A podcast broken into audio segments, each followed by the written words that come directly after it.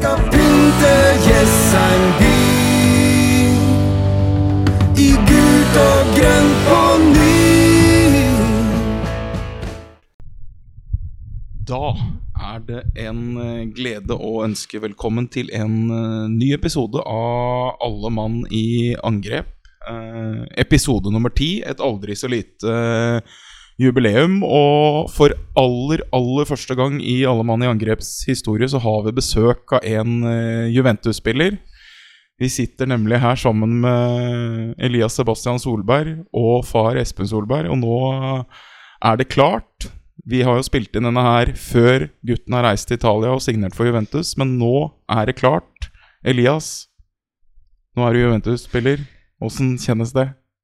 Eh, For å være ærlig, så det virker eh, litt eh, Det er litt rart. Det er egentlig ikke gått opp for meg ennå.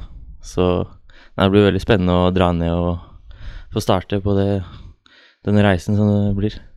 For nå har det jo vært eh, veldig mye snakk i ganske lang tid. eh, men nå er det liksom formalisert. Nå er alle papirer signert, og flyttelasset gått til eh, Italia.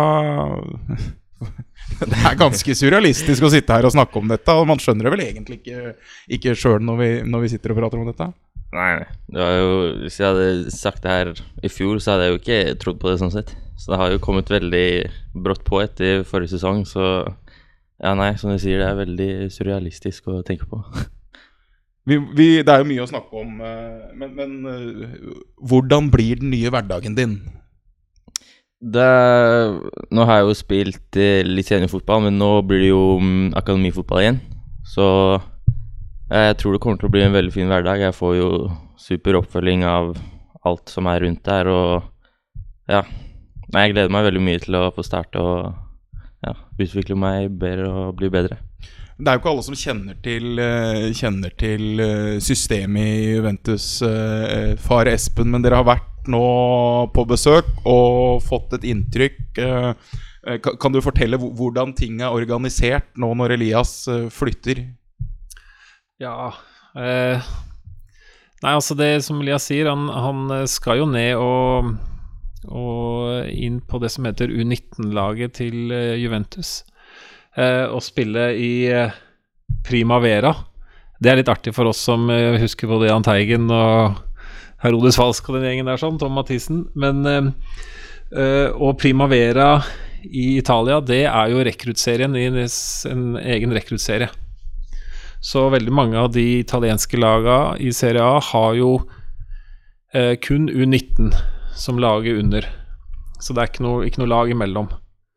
Eh, så da blir det å reise rundt eh, i hele Italia da, og spille mot eh, U19-lagene til de andre, andre klubbene der. Pluss så var det litt artig, vi fulgte jo litt med her i når de akkurat med et nødskrig klarte å kvalifisere seg til Champions League. Eh, Juventus, for det, da blir det jo den her ungdoms-Champions League også for, uh, for Elias sannsynligvis da, til høsten. Så det blir jo spennende.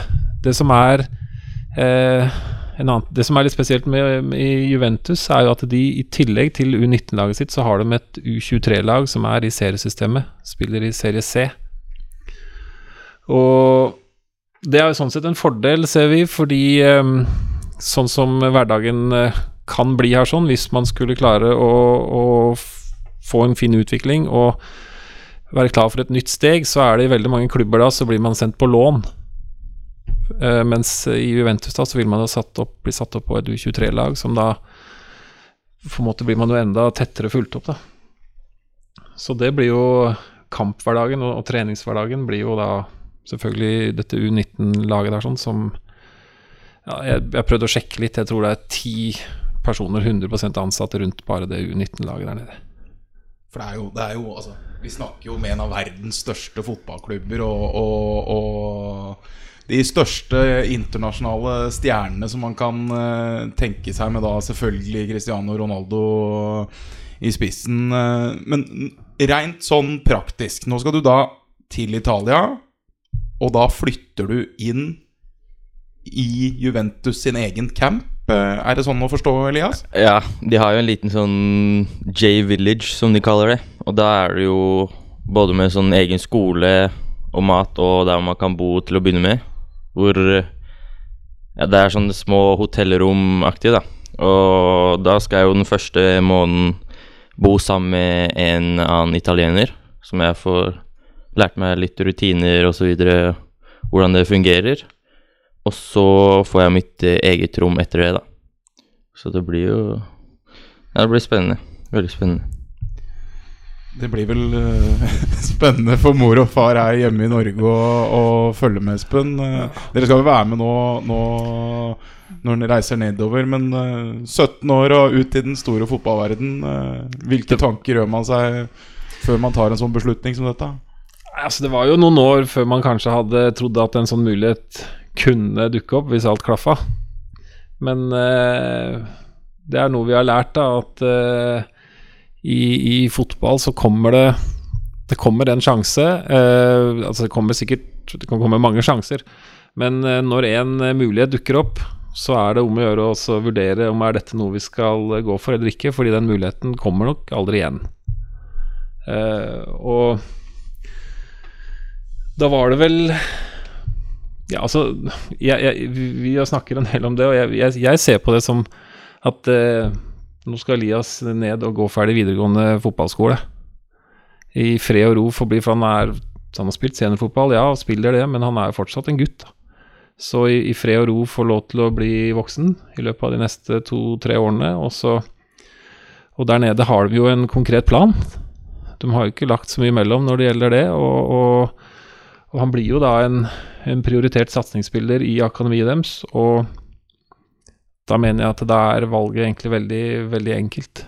Du kan ikke Altså du kan, ikke bli, du kan ikke gå resten av livet og lure på hva hadde skjedd hvis. Det her må du finne ut av. Og det blir jo en utrolig spennende reise å følge med på. Elias, åssen er italiensken? Den er ikke helt topp ennå, men eh, nei, jeg har jo prøvd å lære meg litt på sånn Duolingo på appen og litt sånn forskjellig, men jeg tror det kommer til å eh, komme ganske fort når du lever i den italienske verden og du hører det hele tida. For det, for, for det fotballmessige, det er jo én ting, og det blir jo nye opplevelser for deg. Og så er det jo nytt språk, ny kultur, nye mennesker. eh, Det er mange inntrykk eh, som sikkert kommer til å komme veldig, veldig fort.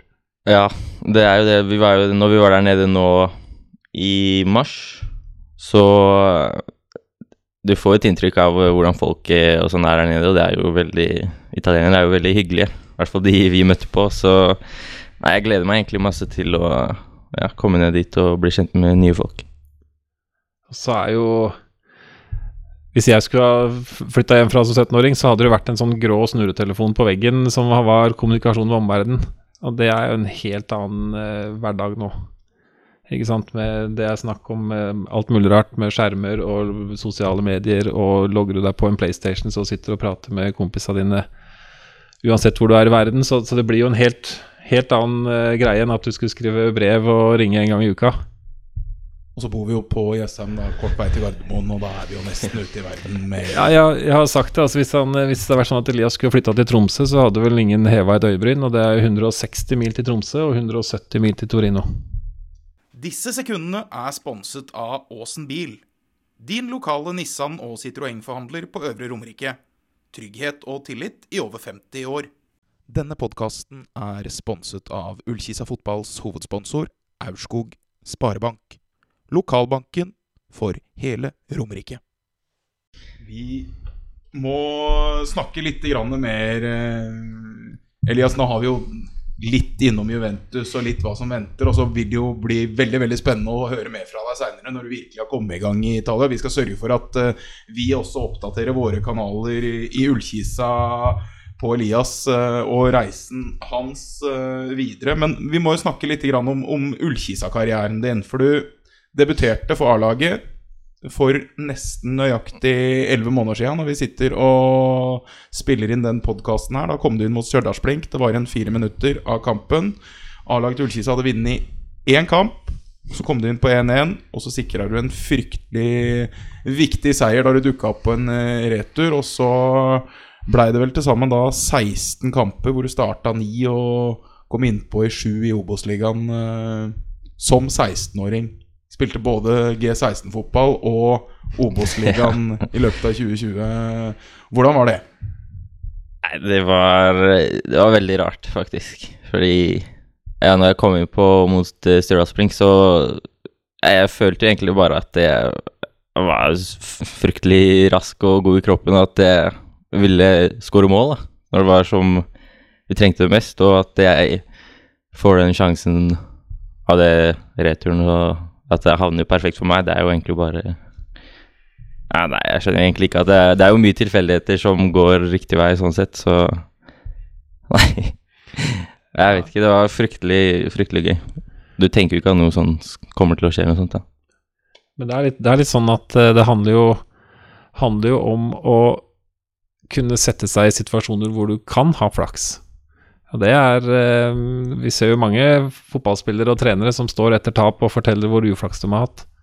Men altså Er du god, så, så havner du jo i situasjoner ofte hvor du også kan ha flaks. Det henger litt sammen, det der.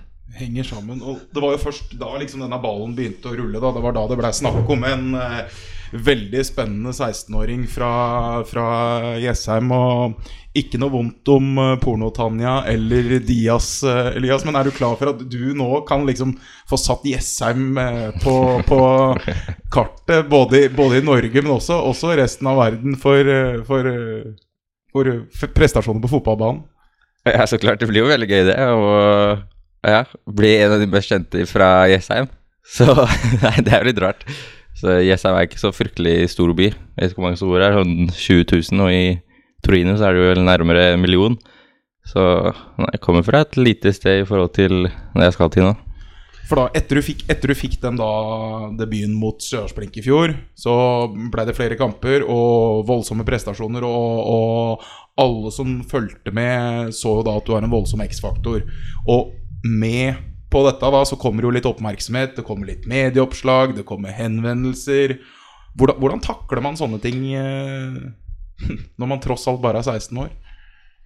Eh, det er jo litt rart å Når du først får høre om det er sånne klubber som er interessert i deg, sånn, så Jeg har aldri visst hva det er før, så jeg tenker jo ikke så mye over det. Og jeg har jo prøvd å ikke tenke så mye over det, og heller latt eh, pappa og agentene mine styre med det. Og så jeg føler jeg har gjort det ganske bra, og har lagt det til side og så bare spilt fotball her.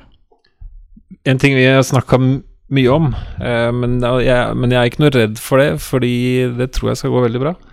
Eh, egentlig helt sikker. Eh, det er det at på den reisen her sånn som starten nå, så er det én ting som er helt avgjørende. Det er at Elias er seg sjøl.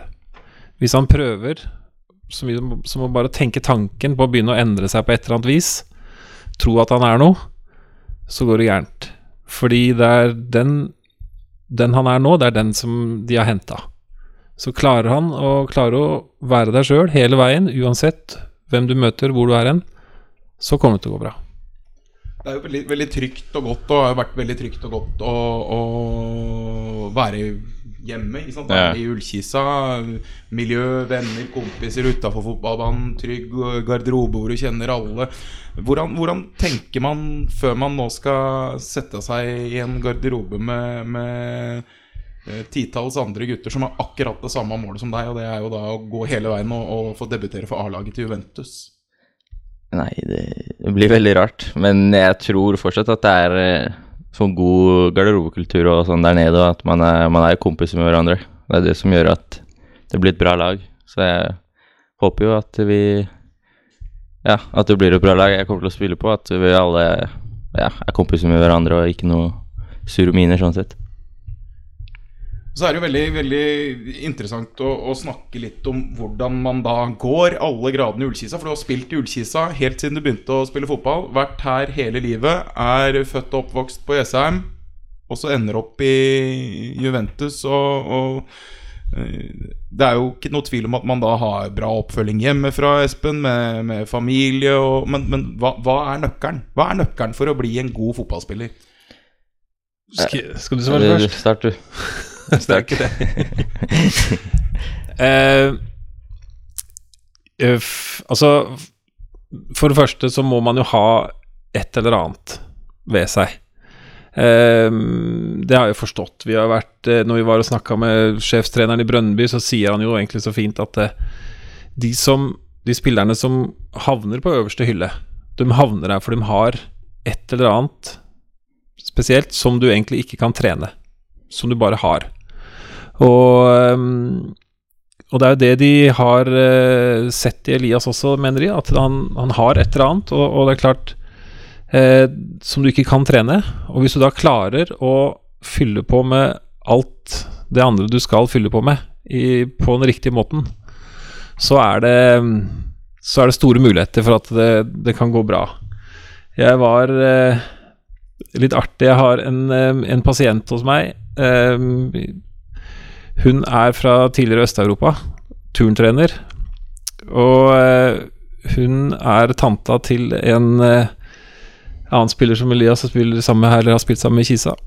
Og hun sa det sånn, veldig sånn fint, hun sa det Med den talent og systematisk arbeid, det kan ikke gå feil litt den der østeuropeiske turen. ikke sant? Altså, mm. Det handler bare om å jobbe systematisk. Mm. Og har du det siste lille som skal til, så har du en god mulighet. Eh, og så tenker jeg jo sånn som Altså, for 30 år siden så skulle man jo ha flaks for å bli oppdaga, fordi at det måtte være noen fra et eller annet sted som så deg akkurat da hvor du var kanskje god i en kamp. Men i dagens verden så er jo alt som Elias har gjort i Obos-ligaen, det er jo speidere rundt omkring. De klikker seg bare inn, og så, og så ser det. Så det er jo på en måte Sånn sett er det sannsynligvis litt mindre flaks involvert nå når man blir oppdaga, enn en, en eh, tidligere. Men eh, jeg føler vel at eh, jeg som far har i hvert fall prøvd å la Elias Han har fått styre, styre dette selv. Jeg har prøvd å være en fornuftig far i bakgrunnen og veileda når det har vært nødvendig, og når Elias har spurt om det og sånne ting.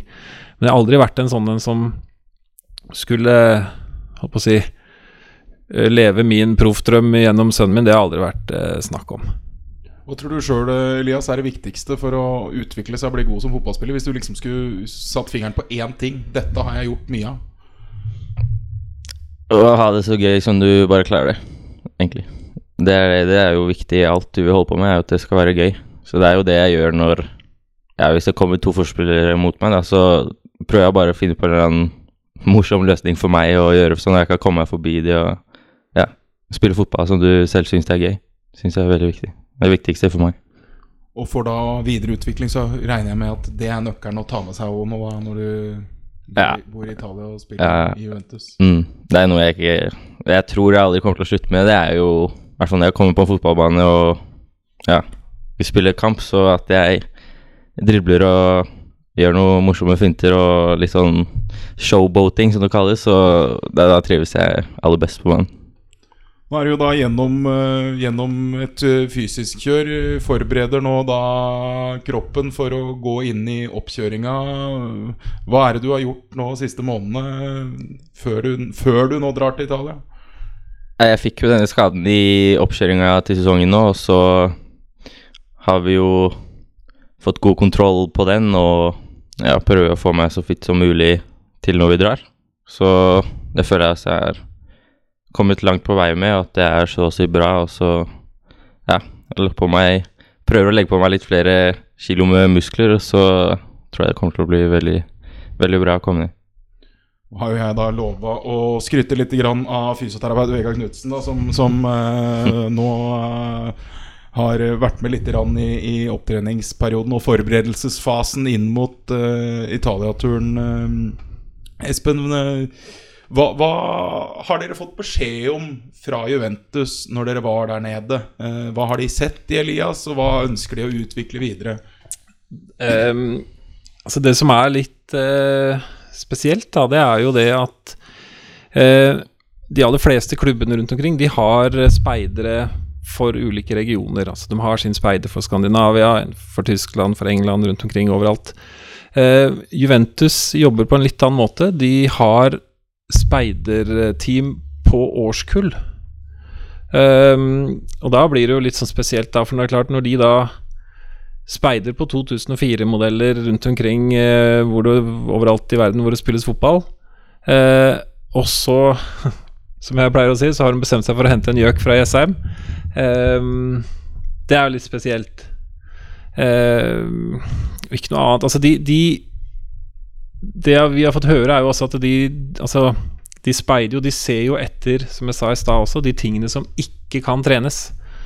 Altså enkelte ting som du bare må ha. Eh, og det mener de at eh, Det har de sagt til Elias Aas, at eh, de mener Elias holder høyt nivå i, i, i verden i, årskall, i sitt årskull. På, på de enkelte ferdighetene han har. Og Det er klart, det er jo sånne ting de ser etter. Og hvis de da, som jeg sa i stad, med den, det talent og systematisk jobb, så kan det ikke gå feil. Så det er klart, de ser etter de tingene der, og hvis du fyller på med alt det riktige i tillegg, så kan det jo bli riktig så bra. Uh, så som jeg sa også i stad, altså de, de mener jo at han er en av de spillerne de skal kunne levere til avstanden eh, i løpet av tre år. Eh, en annen fordel også, eller eh, fordel Vi kan egentlig si en forskjell. Eh, for bare et par-tre år tilbake i tid så jaktet alle disse klubbene 18- og 19-åringer. Eh, nå er det sånn at eh, jeg tror det er i de fleste ligaer, i hvert fall i Italia, som, så er det krav om at minst åtte spillere i stallen skal være klubbutvikla. Og for å regne som klubbutvikla, så må du jo være i klubben sammenhengende i minimum tre år før du fyller 21. Og Derfor så jakter nå alle de europeiske toppklubbene 16- og 17-åringer, og ikke 18 og 19. For å kunne, nettopp for å gjøre dem til klubbutvikla spillere. Og da kommer jo den neste fordelen med det er jo da at eh, da vil jo Elias 1 regnes som klubbutvikla spiller, og ha i tillegg regnes han som italiensk når det gjelder utenlandskvoter og sånne ting. Så det er på en måte en Det er feil å si en lettere vei inn, men det er jo en, en eh, Egentlig er det jo litt det. Altså det er en enkel, litt enklere vei inn i, i systemet. Hvis vi, hvis vi, disse tingene her er jo veldig veldig interessant å, å høre om. Hvis vi skulle diskutere litt mer generelt da i, i norsk fotball og, og Det er jo en del talenter som forsvinner ut fra norske klubber til akademier. Nå har jo vi i Ullkisa vært så heldige og hatt Elias på en proffkontrakt. Og, og det har jo blitt en fantastisk greie for, for klubben, som sitter da igjen og og får også sitt når en eh, sånn overgang som det her eh, kommer. Men, men deres perspektiv som, som eh, familie og som spennende, en spennende unggutt eh, Elias, hvorfor tror du det er sånn at, at eh, så mange lovende, spennende spillere som vi har i norsk fotball, forsvinner ut av landet relativt tidlig? Det er litt vanskelig å si sånn akkurat hvorfor, men jeg tror jo at mange Ja, de føler at det er kulere, da, på en måte, selv om det kanskje ikke er bedre å dra til utlandet så tidlig som det er. Men for de fleste andre land enn Norge så er det jo bedre fasiliteter og sånn enn det det er for ja, mange lag i toppfotballen i Norge, og at de da får bedre oppfølging og kan utvikle seg bedre da, enn det de får gjort her. Espen, noen betraktninger? Du Ja, har jo er vært altså- på litt reiser og, og, Ja, ja. og besøkt en del klubber. Det som, eh, det, er, det som er en, en ganske vesentlig forskjell, som man eh, bør bite seg merke i der, det er det eh, Det er en del å si, pappaer og spillere som reiser rundt nærmest for egen regning og prøvespiller på ulike akademier rundt omkring. Og enkelte steder så sier ja, ok, du kan få plass her. Eh, da er det jo lett at man kan bli en spiller som kommer og så fyller opp et akademi. Eh, det morsomme med Elias er altså at han har jo ikke Han har ikke rørt en fotball, verken i Juventus eller i AC Milan eller noen av de klubbene der. Han har ikke, han har ikke vært på en økt engang. Eh, så, så det er jo da på den, litt den andre veien, hvor en klubb aktivt går inn og så handl, handler deg. Eh, det er litt annerledes. Eh, men jeg ser jo det er, ikke, det er ikke jeg som har sagt det, men det er mange andre også som sier at de har jo egentlig hele tiden sett at det har vært noe sånn unorsk med Elias i måten å spille på. Og i det så ligger det jo egentlig at da er det nok sannsynlig at han pass, vil passe enda bedre inn i en annen type fotball enn den som egentlig spilles i Norge. Og Kristoffer Nordmann Hansen han sa jo det at det var jo Det er jo enklere å være ung spiller, enklere i gåseøynene, å være ung spiller i Eliteserien i forhold til Obos-ligaen, for det er mer spill i Eliteserien. Mm. og mer, fys mer fysikk i Obos-ligaen.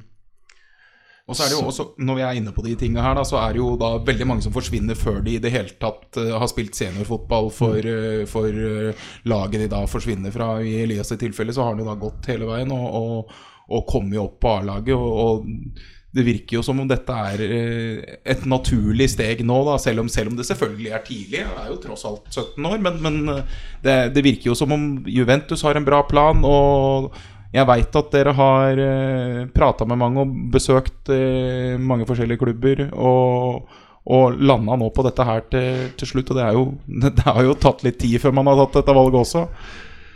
Ja, vi føler at ikke vi har forhasta oss, altså. Men, men ting skjer jo fort. Vi satt jo i De ville jo at vi skulle dra ned til Italia 26.1. Fire-fem dager før vinduet stengte.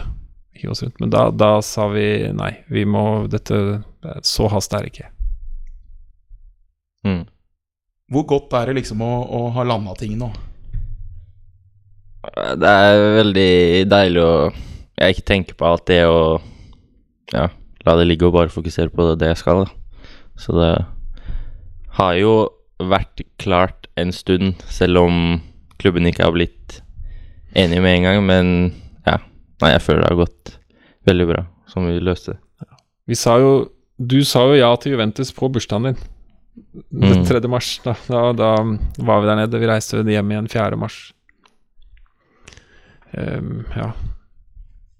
Og da er eh, reisen litt i gang. Og så Det skal jo skje ting videre. Hvis jeg, hvis jeg spør deg nå, Elias Ti år fram i tid. Da er du 27 år. Hvor er, eh, hvor er du hen i fotballverden da? Eh, forhåpentligvis så spiller jeg jo Eller hadde vært i hvert fall veldig kult å spille i Juventus fortsatt, da, på A-laget. Være en fast en på A-laget der. Og bli en liten klubblegende, sånn sett. Så ja. ja. Det er jo det jeg tenker på nå først. Er jo å ta den tiden jeg trenger før eh, jeg kan få muligheten til å ta steget opp til A-laget, og så bruke den så godt jeg kan. Det hadde jo vært noe også hatt eh, lang fotballkarriere og så hatt to klubber.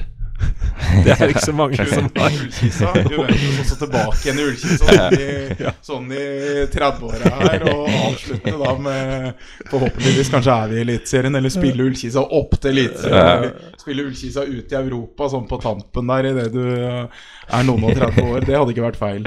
Nei, det, ikke, det hadde vært veldig morsomt, det. Komme tilbake her og spille mine siste år her. Hvis du skulle sagt noe, da, fordi vi i Ullkisa jobber jo med utviklingsarbeidet hele tida. Ønsker jo å, å bli bedre og bedre i utviklingsavdelinga vår. Kan, kan du si noe om, om jobben som er gjort eh, med tanke på deg? Det er jo først og fremst når en, en fotballspiller blir så god som det du har blitt, så er det jo din egen skyld. Og det er jo du som har stått på og kommet en vei. Men, men man har jo da trift, truffet med veien din. Da kom eh, Timing har vært god hele tida.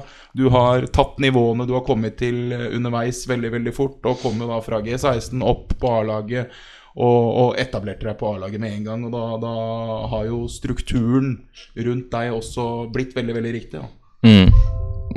Jeg føler at det, at det har vært en veldig fin reise sånn sett fra ja, siden jeg var 13 år, da, hvor jeg ble flytta opp med 03 og spilte der. Og ja, jeg syns det har vært fint at jeg ikke har blitt flytta opp for tidlig, da, sånn sett. Sånn at fysikken ikke har vært en så stor greie, hvor jeg da får utvikle meg og ja, være best på det laget jeg spiller på.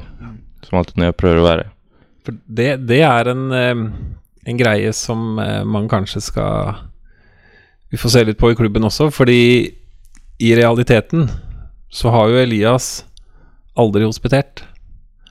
Eh, I den, for, I den forstand at når man hospiterer, så skal man opp og spille med spillere som er bedre enn deg, sånn for å kjenne på nivået, men som Elias sier, når han ble flytta opp og spilt med 0-3, så var han jo Det var jo ingen som var bedre enn han der heller.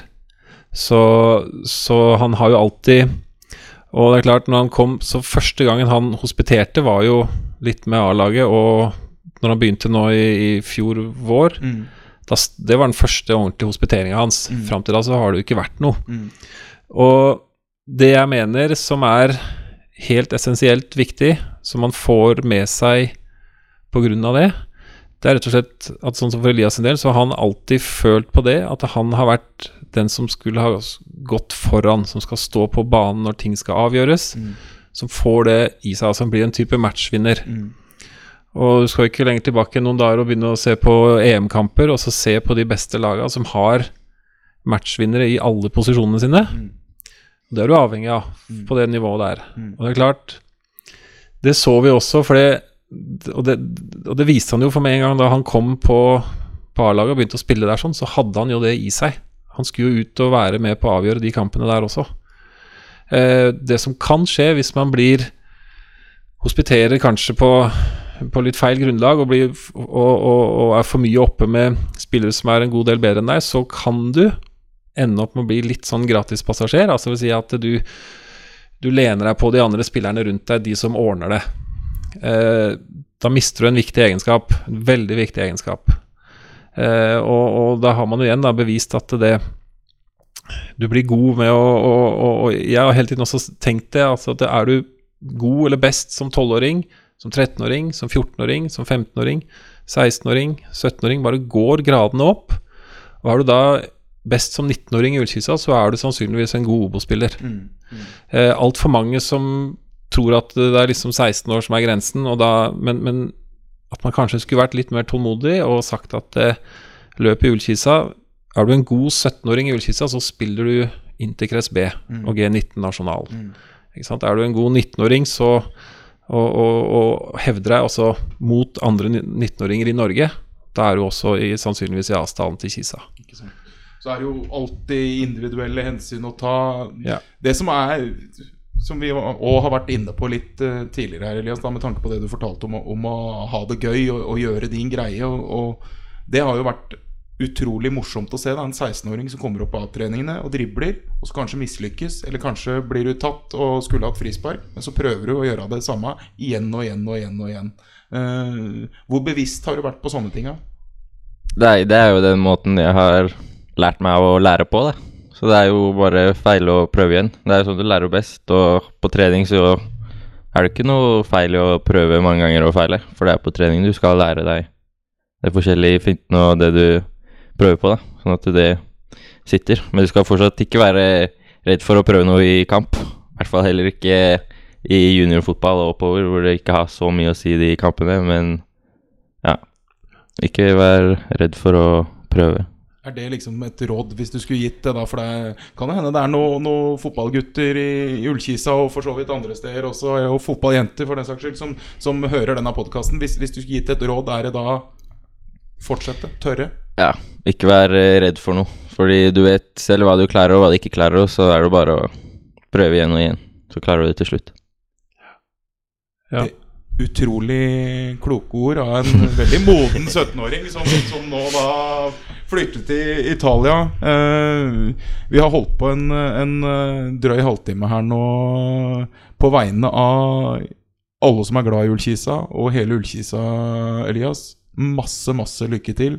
Det er fantastisk kult at, eh, at en eh, 17-åring fra Jessheim skal til Italia og Juventus for å spille fotball. Vi er skikkelig stolte av deg, og så gleder vi oss til å følge reisa videre for deg. Og håper jo vi får noen besøk innom Jessheim stadion her i ny og ne når du er hjemme, hjemme på besøk eh, hos ferie. For det, det må du jo fortsatt eh, Espen må jo litt gjennom i Norge og barndomshjemmet. Ja, ja, vi vil jo tro det. Nå blir Han, alle, eh, alle feriene mine kommer til å være her nå, ikke han Ja, ja, Norge. ja. Så vi, vi, det er, vi får ikke dratt på noen sommerferie, for at da skal jo han komme hjem. Så nei da, vi får se. Det blir, dette blir, blir spennende. Der. Det blir veldig spennende og en utrolig interessant reise å følge. Igjen, vi takker for uh, deltakelse i podkasten. Og når dette da kommer ut, så er det, det er offisielt. Mm. Vi ønsker deg masse, masse lykke til, eh, Elias, og tusen takk for at, eh, for at eh, dere kunne prate litt. For det er jo veldig interessant å høre på. Ja. Vi kommer tilbake med en ny episode med Alle mann i angrep uh, seinere. Og da kanskje vi kan komme med Elias Solberg-nytt og kanskje første kamp for Juventus. Og vi kan da også snakke litt mer om Ullkisa Obos-ligaen. Igjen, takk for at du hørte på, og på gjenhør.